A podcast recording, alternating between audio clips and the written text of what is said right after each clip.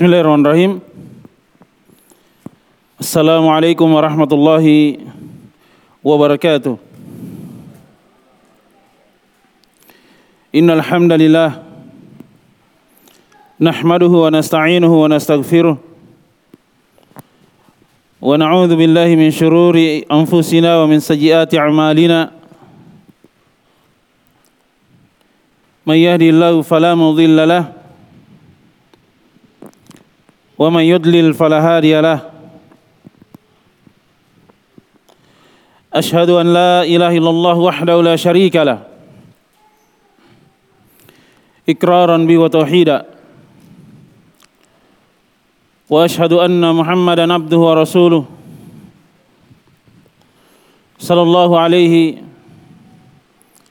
وعلى آله وأصحابه وإخوانه وسلم تسليما كثيرا أما بعد.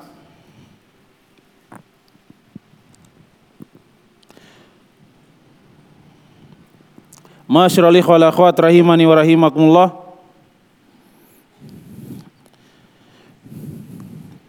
Alhamdulillah kita akan kembali melanjutkan kajian rutin kita di hari Sabtu ba'dal asar dengan judul pembahasan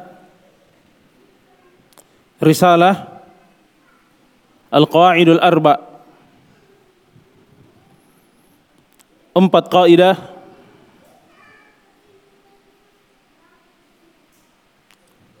yang dengannya seorang muslim dan muslimah mengenal dari hakikat tauhid dan juga kesyirikan. Menduakan Allah Subhanahu wa taala di dalam peribadatan.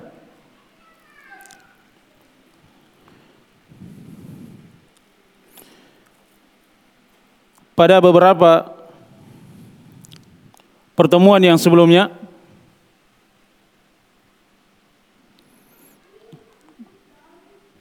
kita telah menguraikan dari ucapan penulis Syekhul Islam Muhammad bin Abdul Wahab rahimahullah taala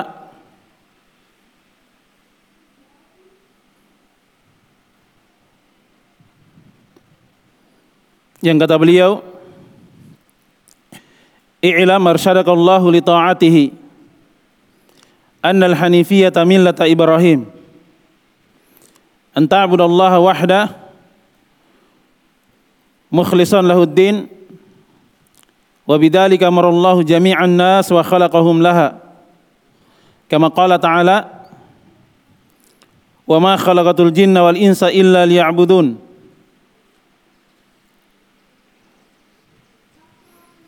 Kata penulis rahimahullah taala i'lam ilmuilah. Arsyadakallahu li ta'atihi Semoga Allah Subhanahu wa taala senantiasa menganugerahkan kepada dirimu hidayah petunjuk di atas ilmu dan amalan untuk selalu taat kepadanya. Annal hanifiyata bahwasanya Al-Hanifiyah yaitu agama Nabi Ibrahim alaihissalam adalah an ta'budallaha wahdah. Engkau beribadah kepada Allah Subhanahu wa taala semata mukhlishan lahuddina. Dalam keadaan mengikhlaskan hanya kepadanya seluruh dari agama ini bidzalika amara Allah jami'an nas wa khalaqahum dengan maksud pemurnian ibadah tauhid tersebutlah Allah Subhanahu wa taala memerintahkan dari segenap manusia ini. Dan juga menciptakan mereka karena maksud penghambaan peribadatan hanya kepadanya. Kama qala ta'ala sebagaimana firman Allah Subhanahu wa taala wa ma khalaqatul jinna wal insa illa liya'budun dan tidaklah aku ciptakan jin dan manusia kecuali hikmahnya agar mereka memperhambakan diri mentauhidkan aku kata Allah Subhanahu wa taala.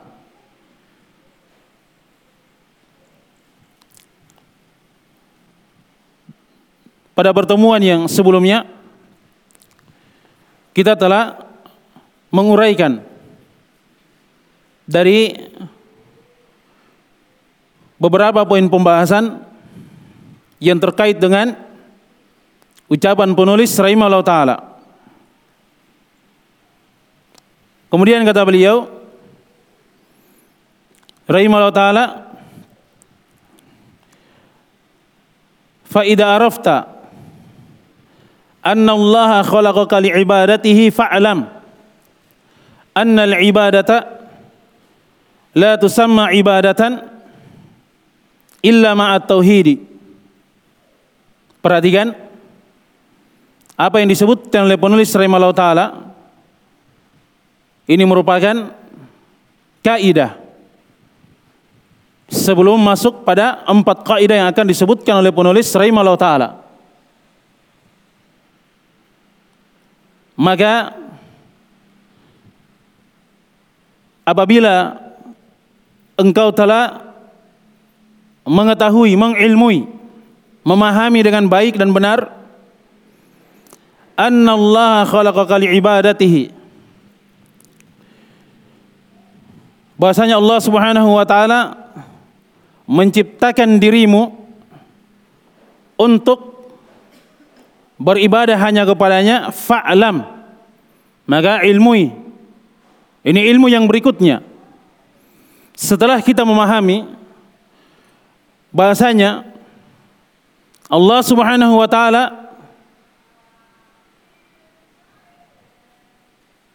yang telah menciptakan kita seluruhnya untuk beribadah kepadanya maka ada ilmu yang berikutnya yang wajib untuk kita ilmui.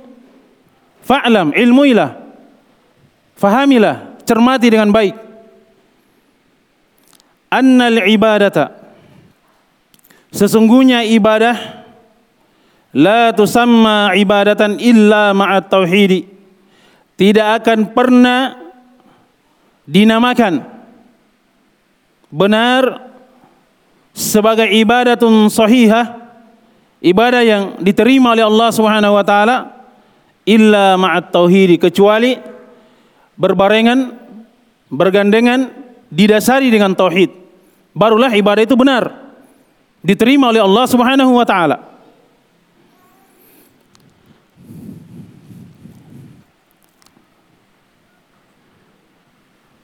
dari ucapan penulis rahimahullah taala maka penting bagi kita untuk mengetahui dari makna ibadah itu sendiri. Karena ini yang akan kita jelaskan. Harus kita tahu apa makna definisi dari ibadah itu. Ibadah disebutkan oleh para ulama dengan dua makna. Yang pertama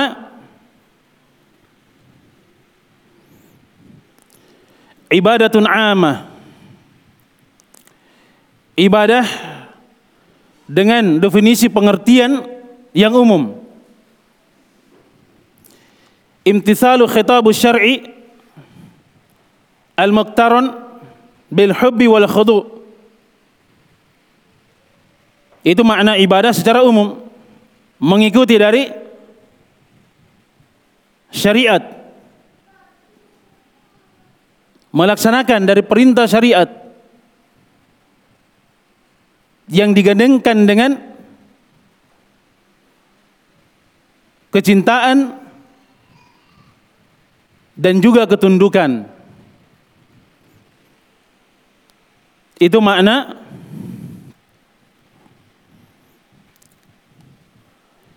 ibadah secara umum. Al-Imam Ibn Taimiyah rahimahullah taala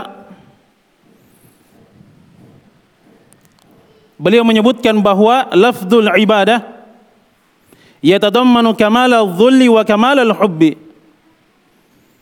Lafaz ibadah itu terkandung di dalamnya kesempurnaan penghinaan diri dan juga sekaligus kesempurnaan kecintaan kepada Allah Subhanahu wa taala.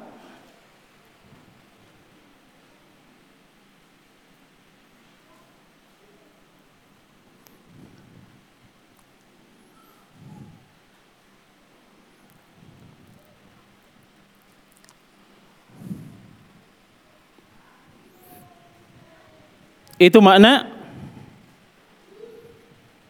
ibadah secara umum.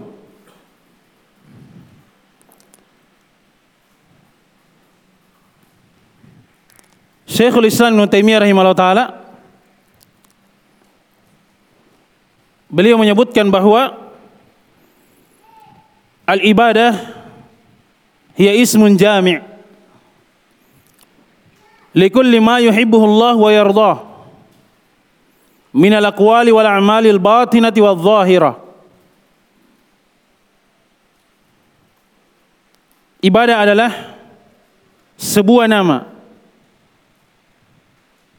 yang mencakup setiap apa yang Allah Subhanahu wa taala cintai dan yang Allah Subhanahu wa taala ridhai baik berupa ucapan-ucapan atau amalan-amalan perbuatan yang batin dan yang zahir.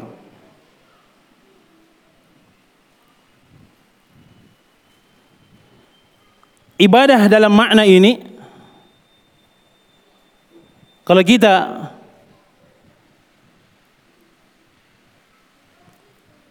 kelompokkan maka ibadah yang disebutkan oleh Syekhul Islam Taimiyah dalam definisi ini maksudnya adalah al-muta'abbadu bih.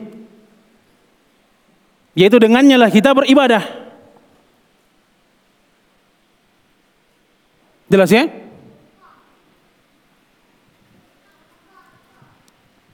Apa yang disebutkan oleh Syekhul Islam Ibnu Taimiyah rahimahullah taala jadi ibadah itu setiap nama yang mencakup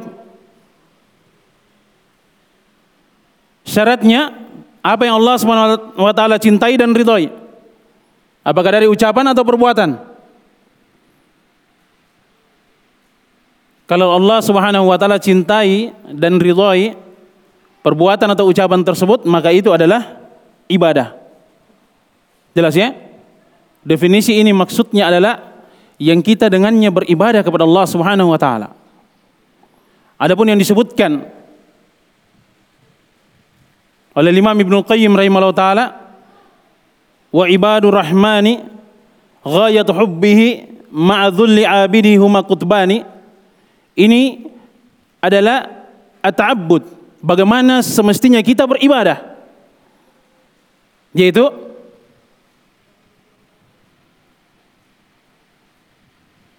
Ya, seorang yang beribadah harus didasari dengan ghayatu hubbihi, kecintaan yang mendalam. Disertai dengan ma'adzulli abidihi. Orang yang beribadah itu merendah, menghinakan diri di hadapan Allah Subhanahu wa taala. Ini adalah dua kutub yang harus senantiasa ada pada diri seorang hamba yang beribadah kepada Allah Subhanahu wa taala. Jadi ini namanya at-ta'abbud. Bagaimana dia beribadah? Harus dia selalu menghadirkan cinta kepada Allah Subhanahu wa taala sekaligus merendah menghinakan diri di hadapan Allah Subhanahu wa taala. Dengan apa kita beribadah? Dengan apa yang disebutkan oleh Syekhul Islam Ibnu Taimiyah rahimahullah taala ismun jami' li kulli ma wa yarda. Itu definisi ibadah dari sarana yang dengannya kita beribadah. Jelas ya? Ini juga yang disebutkan oleh Syekh Muhammad bin Shalih Al-Utsaimin rahimahullah taala. Kemudian itu makna ibadah masih dalam kategori umum. Sekarang yang kedua, kalau kita mendapatkan lafaz ibadah maka ibadah ada dua maknanya. Ibadatun amah dan ibadatun khasah. Yang umum tadi sudah. Dengan ya sedikit tambahan penjelasan. Kemudian yang kedua, ibadah dalam makna khusus itulah tauhid. Jelas ya? Yang apabila kita mendapatkan menjumpai nas di dalam Al-Qur'anul Karim yang menyebutkan tentang lafaz ibadah maka maknanya adalah tauhid. Sebagaimana yang disebutkan oleh sahabat yang mulia Abdullah bin Abbas radhiyallahu taala anhuma. Al-Imam Al-Baghawi rahimahullah taala menyebutkan dalam tafsirnya. Ini kaidahnya. Kullu ma warada fil Qur'ani minal ibadati fama'naha at-tauhidu. Setiap apa yang warid di dalam Al-Qur'anul Karim dari ibadah seperti misalnya wa ma khalaqatul jinna wal insa illa liya'budun maka maknanya adalah tauhid. Liwahiduni. Jelas ya? Itu makna ibadah secara khusus.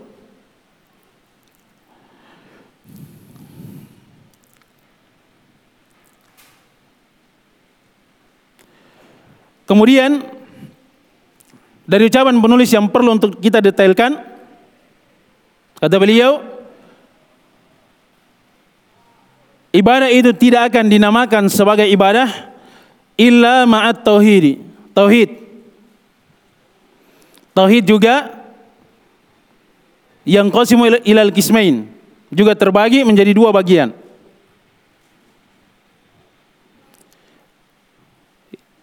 Yang pertama tauhid dengan makna yang umum. Maksudnya adalah ifradullah taala bihaqqihi. Asal dari kata tauhid itu wahada yuwahidu tauhidan. Itu asal katanya. Menjadikan sesuatu yang banyak itu cuma satu saja.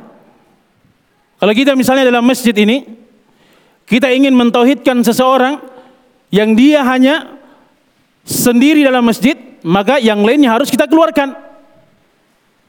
Ketika hanya dia yang berada di dalam masjid itu artinya kita mentauhidkan dia untuk dia berada di dalam masjid seorang diri saja. Tidak ada orang lain selain dari dirinya.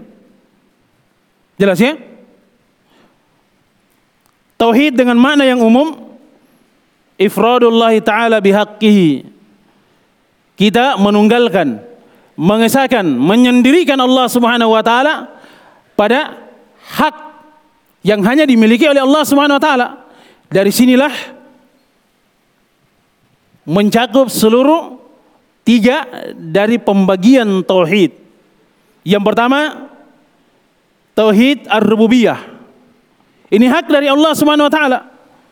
Kita esakan, kita tunggalkan. Kita tauhidkan Allah Subhanahu wa taala bahwa hanya Allah Subhanahu wa taala yang bersendirian di dalam perbuatannya. Al-Khaliq mencipta, Ar-Raziq memberikan rizki, Al-Malik yang menguasai, Al-Mudabbir yang mengatur. Ini empat makna dari kata nama Allah Subhanahu wa taala Ar-Rabb. Seluruh kandungan dari makna rububiyah itu kembalinya pada empat nama ini. Jelas ya? Yang kedua adalah tauhidul uluhiyah. Setelah kita mengikrar, meyakini akan tauhid rububiyah, maka konsekuensinya keharusannya harusnya kita mentauhidkan Allah Subhanahu wa taala di dalam uluhiyahnya. Bahasanya hanya Allah Subhanahu wa taala semata yang berhak untuk diibadahi, tidak ada yang lainnya. Paham ini? Kemudian yang ketiga, tauhid al-asma was sifat. Kita mentauhidkan Allah Subhanahu wa taala. Kita mengesahkan Allah Subhanahu wa taala bahwa hanya Dialah Allah Subhanahu wa taala yang memiliki nama-nama yang maha agung, yang maha mulia, yang tidak ada keserupaan dengan satu makhluk pun. Walillahil asmaul husna fad'uhu biha. Hanya milik Allah Subhanahu wa taala. Jelas ya?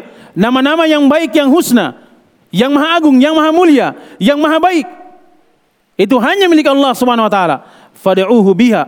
Maka mintalah berdoalah kalian dengan menggunakan bertawassul dengan nama-nama Allah Subhanahu wa taala. Jelas ya? Kemudian makna tauhid secara khusus kalau kita menyebutkan atau menjumpai kata tauhid, maka tadi maknanya ada berapa? Ada dua. Makna umum sudah selesai. Jelas ya? Dengan tiga pembagian di dalamnya tentang tauhid, ar-rububiyah, al-uluhiyah, al-asma'i was sifat. Kemudian tauhid dengan makna yang khusus adalah ifradullah taala bil ibadah dan ini definisi untuk tauhid al-uluhiyah. Jelas ya? Jadi maksud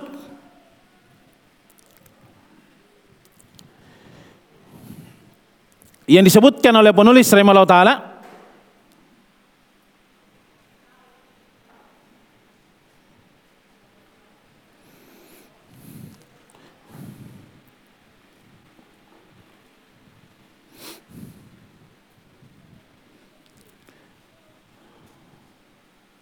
di sini adalah tentang dari tauhid al-uluhiyah. Jelas ya? Kemudian pembahasan tentang ibadah yang berikutnya rukun ibadah ada berapa? Ada tiga. Yang pertama, ketika seorang hamba beribadah harus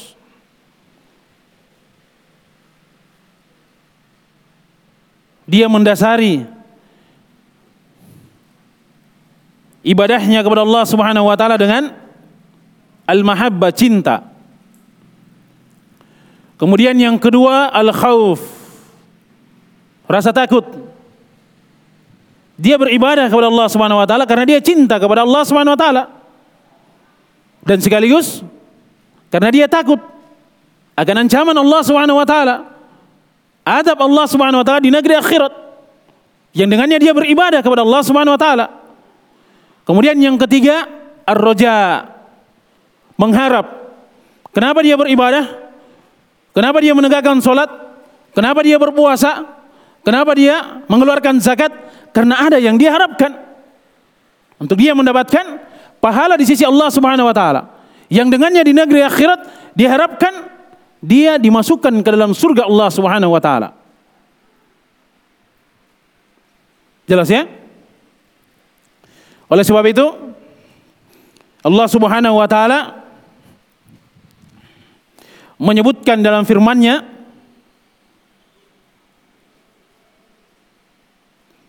tentang keadaan para nabi dan rasul. Allah Subhanahu wa taala berfirman Innahum kanu yusari'una fil khairat wa yad'unana raghaban wa rahaban wa kanu lana khashi'in. Sesungguhnya mereka maksudnya para nabi dan rasul itu mereka bersegera dalam kebaikan beribadah kepada kami kata Allah Subhanahu wa taala raghaban wa rahaban dalam keadaan penuh harapan dan juga kekhawatiran, cemas. Wa kanu lana khashi'in. Dan mereka kepada kami adalah dari orang-orang yang senantiasa khusyuk. Dan ini nanti akan ada penjelasannya tentang tiga rukun dari ibadah. Oleh sebab itu, ya seorang yang beribadah kepada Allah Subhanahu wa taala harus dia gabungkan dari tiga hal ini. Cinta, takut dan adanya harapan. Ya sebagian dari ya para ulama salaf ya mereka berkata bahwa barang siapa yang beribadah kepada Allah Subhanahu wa taala hanya karena dasar cinta semata saja maka dia adalah orang yang zindiq. Ini orang-orang sufi yang ekstrim hulu jelas ya? Dia beribadah katanya hanya karena cinta saja kepada Allah Subhanahu wa taala. Tidak ada harapannya.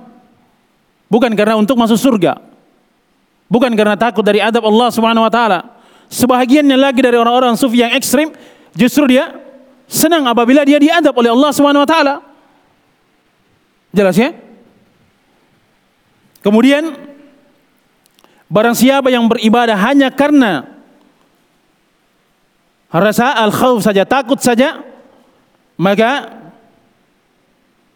mereka ini adalah orang-orang khawarij. Dan barang siapa yang beribadah hanya karena harapan saja, nah ini orang-orang murji. Oleh sebab itu, kalau dia gabungkan cinta, takut dan harapan di dalam ibadahnya, maka dia adalah seorang mukmin. Jelas ya? Kemudian pembahasan yang berikutnya tentang ibadah adalah syarat dari ibadah.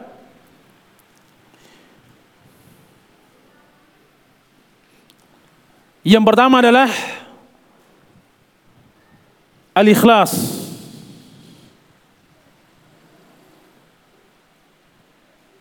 ikhlas dalam beribadah.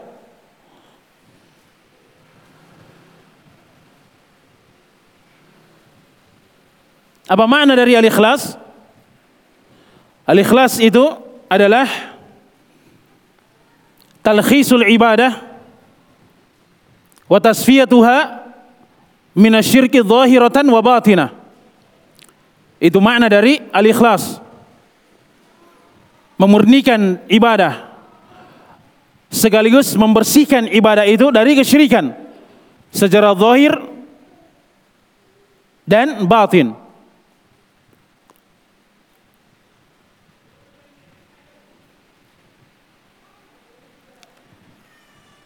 Ikhlas adalah syarat diterimanya dari amalan seorang hamba. Di dalam Al-Qur'anul Karim Allah Subhanahu wa taala berfirman wa qadimna ila ma amilu min amalin faj'alnahu haba'an kata Allah Subhanahu wa taala kami hadapi dari apa yang mereka amalkan dari orang-orang kafir ini. Jelas ya? Faj'alnahu haba'an manthura tapi amalan-amalannya itu kami jadikan seperti debu yang berterbangan tidak ada nilainya sama sekali ada yang mereka amalkan ada yang mereka amalkan. Wa qadimna ila ma amilu. Kami akan hadapi dari apa yang mereka amalkan. Ada dari amalan perbuatannya. Ada dari amalan-amalan kebaikannya. Tapi karena tidak didasari dengan keikhlasan kepada Allah Subhanahu wa taala, maka kata Allah Subhanahu wa taala faj'alnahu haba'an. Kami jadikan seperti debu yang berterbangan, tidak ada nilainya sama sekali.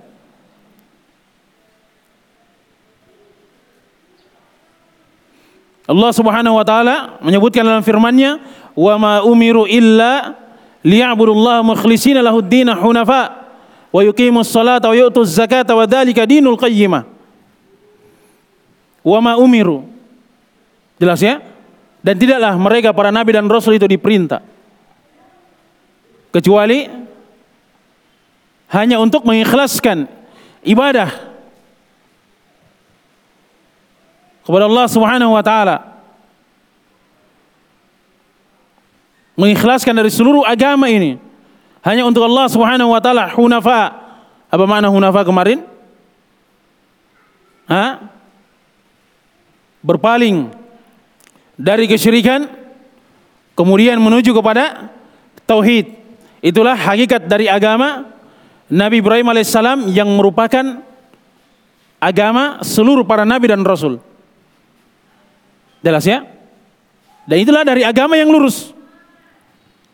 Jadi harus ada makna ikhlas di dalamnya. Kemudian yang kedua al-mutaba'ah. Meneladani mengikuti Rasulullah SAW di dalam amalan itu. Di dalam riwayat Muslim dari Aisyah radhiyallahu taala anha kata Rasulullah sallallahu alaihi wasallam, "Man 'amila amalan laisa alaihi amruna fahuwa raddun." Siapa saja Jelas ya? Baik dia seorang kiai atau yang dianggap wali atau yang dikeramatkan kalau dia melakukan sebuah amalan yang tidak ada perintah dari kami kata baginda Rasulullah SAW fahuwa raddun. Raddun mardud. Maksudnya lah tertolak. Itu pasti. Siapa saja siapa pun dia. Walaupun dia adalah orang yang sangat dimuliakan, diagungkan. Jadi jangan disangka oh kalau dia adalah orang yang berilmu, oh bisa dia buat toriko sendiri, jalan untuk beribadah. Oh kalau dia adalah seorang yang dianggap wali, oh bisa dia lakukan sesuatu yang tidak diajarkan oleh Nabi Alaihissalam. Maka semuanya adalah mardud tertolak. Jelas ya? Ini dua syarat yang disebutkan oleh para ulama kita Allah Subhanahu wa taala menyebutkan dalam firman-Nya, Tabarakalladzi biyadihil mulk wa huwa ala kulli syai'in qadir, alladzi khalaqal mauta wal hayata liyabluwakum ayyukum ahsanu amala. Tabarakalladzi biyadihil mulk. Maha berberkah Allah Subhanahu wa taala. Di tangannya lah segala kekuasaan. Dan dia maha mampu atas segala sesuatu. Dialah Allah Subhanahu wa taala yang telah menciptakan kematian dan kehidupan liyabluwakum yang dengannya Allah Subhanahu wa taala menguji kalian ayyukum ahsanu amala siapa yang paling baik dari amalannya jelas ya oleh sebab itu di dalam tafsir Al-Imam Ibnu Katsir sebahagian dari para ulama menyebutkan Allah Subhanahu wa taala tidak menyebutkan ayyukum aktsaru amalan siapa yang paling banyak amalannya di antara kalian karena bukan kuantitas yang dilihat tapi kualitas dari amalan itu. Sesuai dia dengan tuntunan dari Nabi kita Muhammad alaihissalam dan di dalamnya ada keikhlasan. Oleh sebab itu Al-Fudail bin Iyad rahimahullah taala beliau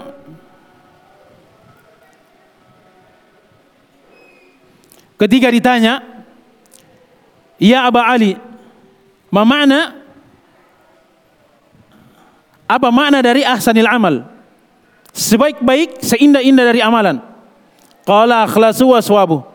Itulah amalan yang paling ikhlasnya dan yang paling benarnya. Qila ma ikhlasuhu. Apa yang paling ikhlasnya itu? Wa maswabu dan apa yang paling tepatnya yang paling benarnya itu? Qala innal amala idza kana khalisan wa lam yakun sawaban lam yuqbal. Sesungguhnya amalan itu kalau dia ikhlas tapi kalau dia tidak benar, maka dia tidak akan diterima. Wa in kana sawaban, kalau amalannya benar, walam yakun khalisan dan tidak ikhlas dalamnya, falam yukbal dan juga tidak akan diterima hatta yakuna khalisan sawaban sampai amalan itu ikhlas dan benar. Kila ya Aba Ali ma huwal khalisus sawab? Kalau begitu, apa yang ikhlas dan benarnya itu? Kemudian kata beliau al khalis ayyakuna lillah was sawab ayyakuna ala sunnah. Al khalis itu dia murni hanya untuk Allah Subhanahu wa taala. As yang benar itu apabila dia mengikuti dari sunnah dari Nabi kita Muhammad sallallahu alaihi wasallam di dalamnya. Jelas ya? Ini dua syarat diterimanya dari amalan seorang hamba. Sebagian dari para ulama mereka menambah dengan syarat yang ketiga. Sihatul mu'taqad yaitu dengan benarnya dari keyakinannya, akidahnya. Jelas ya? Ini dari ya sisi kedetailan yang disebutkan oleh para ulama kita. Karena ada misalnya sebagian orang dia terkadang dalam satu waktu dia sholat misalnya dia bisa ikhlas kepada Allah Subhanahu wa taala di dalam sholat itu. Sholatnya sesuai dengan tuntunan dari Nabi kita Muhammad sallallahu alaihi wasallam. Tapi orang ini dia tidak memiliki akidah yang baik. Pada lain kesempatan dia menyembeli untuk selain dari Allah Subhanahu wa taala. Jelas ya? Dia serahkan ibadahnya kepada selain dari Allah Subhanahu wa taala. Dia alirkan darah. Dia sembeli dari hewan itu untuk dia peruntukkan pada tempat-tempat yang dia keramatkan. Pertanyaannya, kalau dia agungkan dari tempat yang dikeramatkan itu, dia alirkan darah di situ. Ini mengeluarkan dari agama Islam atau tidak? Ini mengeluarkan dari agama. Jelas ya? Kalau dia mengeluarkan dari agama, akidahnya tidak benar, bagaimana dengan sholatnya yang ikhlas, yang dia sesuai dengan tuntunan Nabi, yang dia kerjakan juga tidak akan diterima oleh Allah Subhanahu wa taala. Jelas ya? Oleh sebab itu, para ulama kita menambah dengan syarat yang ketiga, sihatul mu'taqad.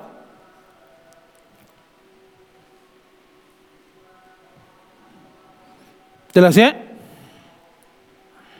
Al-Imam Ibnu Qayyim rahimahullah taala beliau mengatakan bahwa al-amalu bi ghairi ikhlasin wala iktida'in kal musafir yamla'u jirabahu ramlan yuthqiluhu wala yanfa'uhu.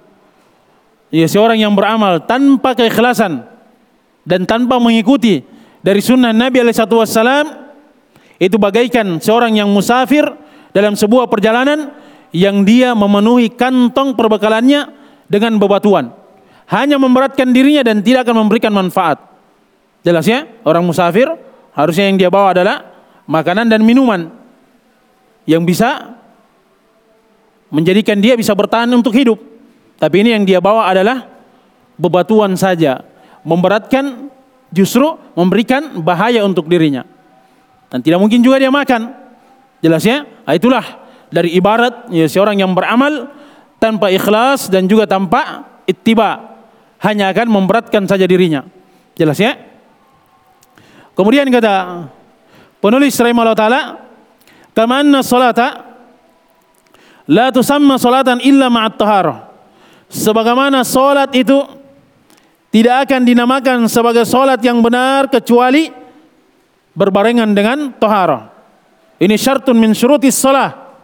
Jelas ya? At-tohara. Jadi dia sebelum solat harus dia bersuci dulu. Bersuci dari hadas akbar, hadas asgor. Bersuci juga dari najis. Jelas ya? Fa idza dakhala syirku fil ibadati fasadat maka apabila kesyirikan itu masuk ke dalam ibadah fasadat maka dia akan merusak dari ibadah tersebut. Oleh sebab itu, ini penting sekali untuk kita pelajari tentang tauhid dan juga lawannya tentang kesyirikan. Kemudian kata beliau rahimahullah taala kal hadasi idza dakhala taharah. Sebagaimana kalau hadas itu masuk pada taharah pasti dia akan membatalkan dari taharahnya. Ada orang yang sholat dia sholat. Jelas ya? Setelah dia sholat dia katakan bahwa tadi dia sebenarnya batal sholatnya. Dia buang angin. Tapi katanya sedikit. Walaupun sedikit sama saja. Jelas ya, tidak ada bedanya. Mau sedikit, mau banyak, mau kedengaran, mau tidak. Yang jelas dia rasa, dia yakin, dia buang angin. Maka batal toharonya. Itu hadas namanya. Hadas asgor. Jelas ya?